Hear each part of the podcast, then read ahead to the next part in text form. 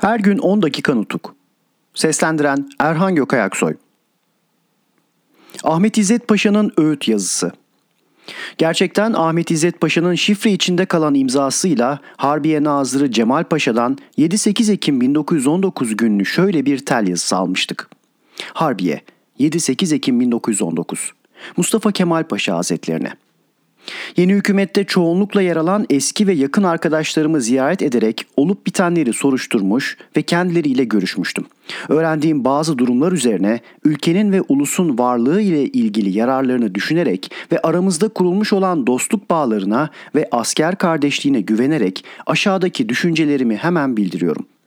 Birkaç aydan beri yurdun uğradığı düşman eline geçme ve dağılma tehlikesinin önüne geçilebilmesinde şimdiye değin ulusal eylem ve kuvvetlerin yararlı etkileri herkesçe kabul edilmiştir. Yalnız bu hizmetin sonuçlarından yararlanmanın bundan sonra akıllıca ve yasaya uygun bir yönetimin kurulmasına bağlı olduğu da gerçeği görenlerce biliniyor.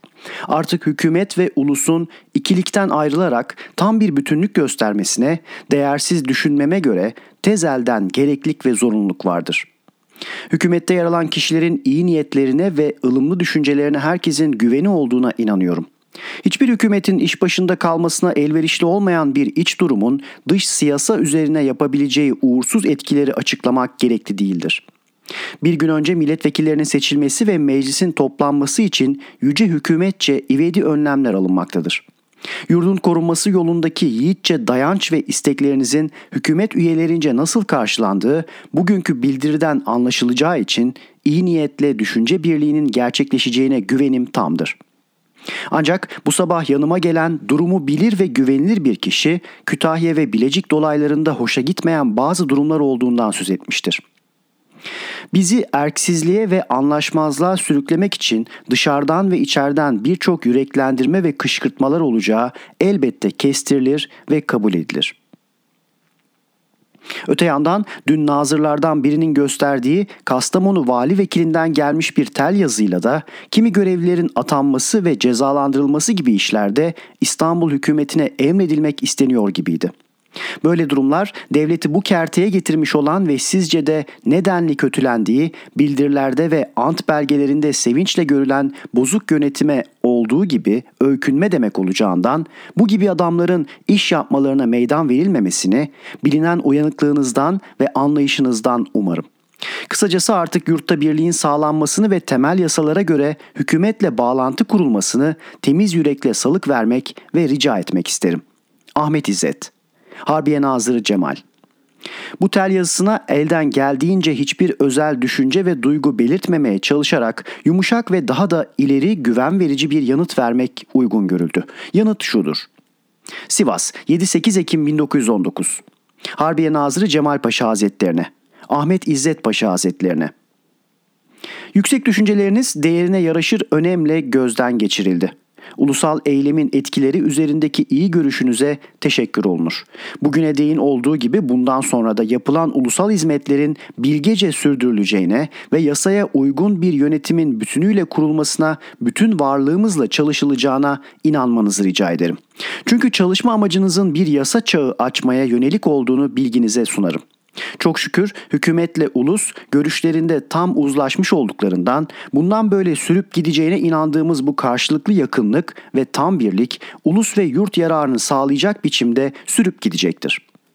Kötü gidiş ve siyasası herkesçe bilinen Ferit Paşa hükümetine ulusun baş eğmemesi, isteklerine ve yaptığı işlere katılmaması dış siyasamız üzerinde hiçbir kötü etki yapmamış, tersine Ferit Paşa hükümetinin yarattığı bütün kötü etkileri ortadan kaldırmış ve teşekkür edilmeye, övülmeye değer olan bugünkü elverişli siyasal durumumuzu sağlamıştır.'' Ulusun güvenini kazanan bugünkü hükümetle birlik olmanın iç durumumuzu dış siyasa üzerinde çok yararlı ve etkili kılacağına kuşku yoktur. Olağanüstü durumlarda bazı yerlerde kaçınılmaz bazı olaylar çıkması zorunlu ve olağan şeylerdir. Özellikle Kütahya, Bilecik ve Eskişehir gibi yerlerin ve bu yerlerdeki suçsuz haksızlığa uğramış halkın gördüğü baskılar ve karşılaştığı kötülükler bir an insaflıca düşünülürse sızıltı konusu olarak görülen olayların ne kadar haklı olduğu en küçük bir usa vurmayla meydana çıkar.'' Buralardaki acıklı ve iç sızlatıcı durumun doğmasına eski hükümetin uyuşuk durumunun sebep olduğu düşünülünce bu olaylardan ulusal örgütleri sorumlu tutmaya kalkışmak haksızlık olur inancındayım. Kastamonu Vali Vekilinin görmüş olduğunuz tel yazısından dolayı onu da özürlü saymanızı rica edeceğim. Çünkü böyle başvurular yalnız Kastamonu'dan değil daha bazı yerlerden de olmuştur. Eğer yeni hükümetin kararsız gibi görünen ilk tutumu bir iki gün daha sürseydi bu türlü başvurmalar ülkenin her köşesinden yağacaktı. Bundan böyle bu gibi olaylara kesin olarak meydan verilmemesi için gereken her türlü önlem alınacak, ilgilere etki yapılacak ve yüksek öğütlemelerinize uyularak tam birliğin sağlanması ve temel yasalara göre hükümetle içten bağlantı kurulması için temiz yürekle çalışılacaktır. Saygıyla ellerinizden öperim efendim. Mustafa Kemal Ali Rıza Paşa Cumhuriyet yapılacağını seziyor. Baylar, Ahmet İzzet Paşa'nın yazdığı öğüt yazısıyla buna verdiğimiz karşılığın okunması bir anımı canlandırdı. Ulusça bilinmesi ve tarihe geçmesi için onu da söylemiş olayım. Ali Rıza Paşa bir gün Ahmet İzzet Paşa'yı ziyaret eder. Konuşma sırasında benim için bir takım yersiz sözler söyler ve bu sözlere önemli bir buluşunu da ekler. Cumhuriyet yapacaklar, cumhuriyet diye bağırır. Doğrusunu isterseniz baylar, Makedonya'da Osmanlı İmparatorluğu'nun Batı Orduları Başkomutanı Ali Rıza Paşa'nın aslanlardan meydana gelmiş koskoca Türk ordularını bozguna uğratıp yok ettikten ve değerli Makedonya topraklarını düşmanlara bırakıp bağışladıktan sonra devletin en sıkışık bir zamanında Vahdettin'in isteklerine hizmet etmek için gereken nitelikleri kazanmış olduğuna ve bu ünlü ordular başkomutanının bu kez kendine en usta yardımcı olarak eski kurmay başkanını Harbiye Nazırlığı'na aklına getirmeyi düşüneceğine olağan gözüyle bakılabilirdi. Ama ulusal girişimlerin cumhuriyeti kurma amacı güttüğünü bu kadar çabuk ve kolaylıkla sezip anlayabilmesini beğenmemek elden gelmez. Baylar bana bu bilgiyi veren olayı İzzet Paşa'nın ağzından işiten ve şimdi aramızda bulunan çok saygıdeğer bir arkadaştır. Salih Paşa heyeti temsiliye ile görüşmek için geliyor. Baylar, Cemal Paşa 9 Ekim 1919 günlü bir şifreyle heyeti temsiliye ile yakından görüşmek üzere Bahriye Nazırı Salih Paşa'nın yola çıkmasının uygun görülmekte olduğunu bildirdi. Ama Salih Paşa biraz rahatsız olduğu için görüşme yerinin olabildiğince yakın olması ve İstanbul'dan deniz yoluyla gitmesinin düşünüldüğü belirtildikten sonra heyeti temsiliyeden kimlerle ve nerede buluşmalarının tasarlandığı soruldu.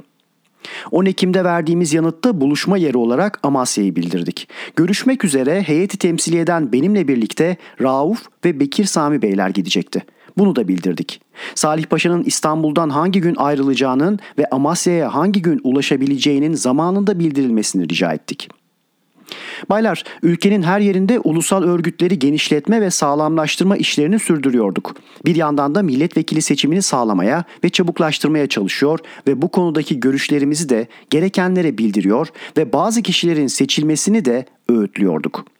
Ancak cemiyet adına aday göstermemeyi ilki olarak kabul etmekle birlikte milletvekili olmak için çalışanların Anadolu ve Rumeli Müdafaa Hukuk Cemiyeti ilkelerini ve kararlarını iyi karşılamış kişilerden olmasını pek çok istiyor ve bu gibi kimselerin kendiliklerinden cemiyet adına adaylıklarını koymaları gereğini de duyuruyorduk. 11 Ekim 1919 günü bu bildirdiğim işlerle ilgili olarak yeniden bazı buyruklar verdik. Ulusal isteklere hizmet eden memurların birer yolla yerlerinin değiştirilmesi, ulusal isteklere karşı olduklarından dolayı ulusça kovulan görevlilerin de görev sanlarını bırakmamış olması yüzünden kimi yerlerden yeni hükümetle uzlaşmamızın ne demek olduğunun anlaşılmadığı yolunda dokundurucu yazılar gelmeye başladı. Bu durumu 11 Ekim'de Cemal Paşa'ya yazarak hükümetin dikkatini çekmek istedik. Askeri Nigahban Cemiyeti bir de baylar bilirsiniz ki İstanbul'da Askeri Nigehban Cemiyeti, Askeri Gözcü Derneği diye bir bozguncu topluluğu türemişti. O zamanki bilgiye göre bu topluluğun başında bulunanlar Kiraz Hamdi Paşa, hırsızlıktan dolayı kovulmuş Kurmay Albay Refik Bey, eski Halasker grubundan binbaşı Kemal Bey, Bandırma eski sevkiyat reisi topçu binbaşılarından Hakkı Efendi ve daha bu dernekle ilgisini kesip kesmediği bilinmeyen kovulmuş kurmay binbaşılardan Nevres Bey gibi kötü işleri yüzünden ordudan kovulmuş ya da emekliye ayrılmış kimselerle ahlaksızlıklarıyla tanınmış az sayıda başka adamlardı. İşte bu dernek 23 Eylül 1919 gün ve 8123 sayılı İktam gazetesinde bir andırı yayımlamıştı. Bu dernek bu andırısıyla kendisine yurdun ve ulusun bekçisi süsünü vermek istiyordu. Cevat Paşa'nın Harbiye Nazırlığı sırasında bu dernek hakkında kovuşturmaya başlanılmıştı. Hükümet değişikliğinden dolayı arkası kesildi. Bu derneğin varlığı ve çalışmaları ordudaki subayları sinirlendiriyordu. Bu yüzden heyeti temsiliyeye başvurmalar başlamıştı. 12 Ekim 1919'da Harbiye Nazırı Cemal Paşa'dan kendi başarısı bakımından bu bozguncu yuvasının kökünden sökülüp atılmasını ve üyelerinin şiddetle cezalandırılmalarını ve işlem sonucunun orduya genelgeyle duyurulmasını rica ettim. Cemal Paşa'dan 14 Ekim'de aldığım bu kesin olarak kararlaşmıştır. Yolundaki kısa ve kesin teli 15 Ekim'de bütün orduya özel olarak ulaştırdım. Fakat Cemal Paşa'nın bu kesin kararının hiçbir zaman uygulandığını hatırlayamıyorum. Her gün 10 dakika nutuk. Seslendiren Erhan Gökayaksoy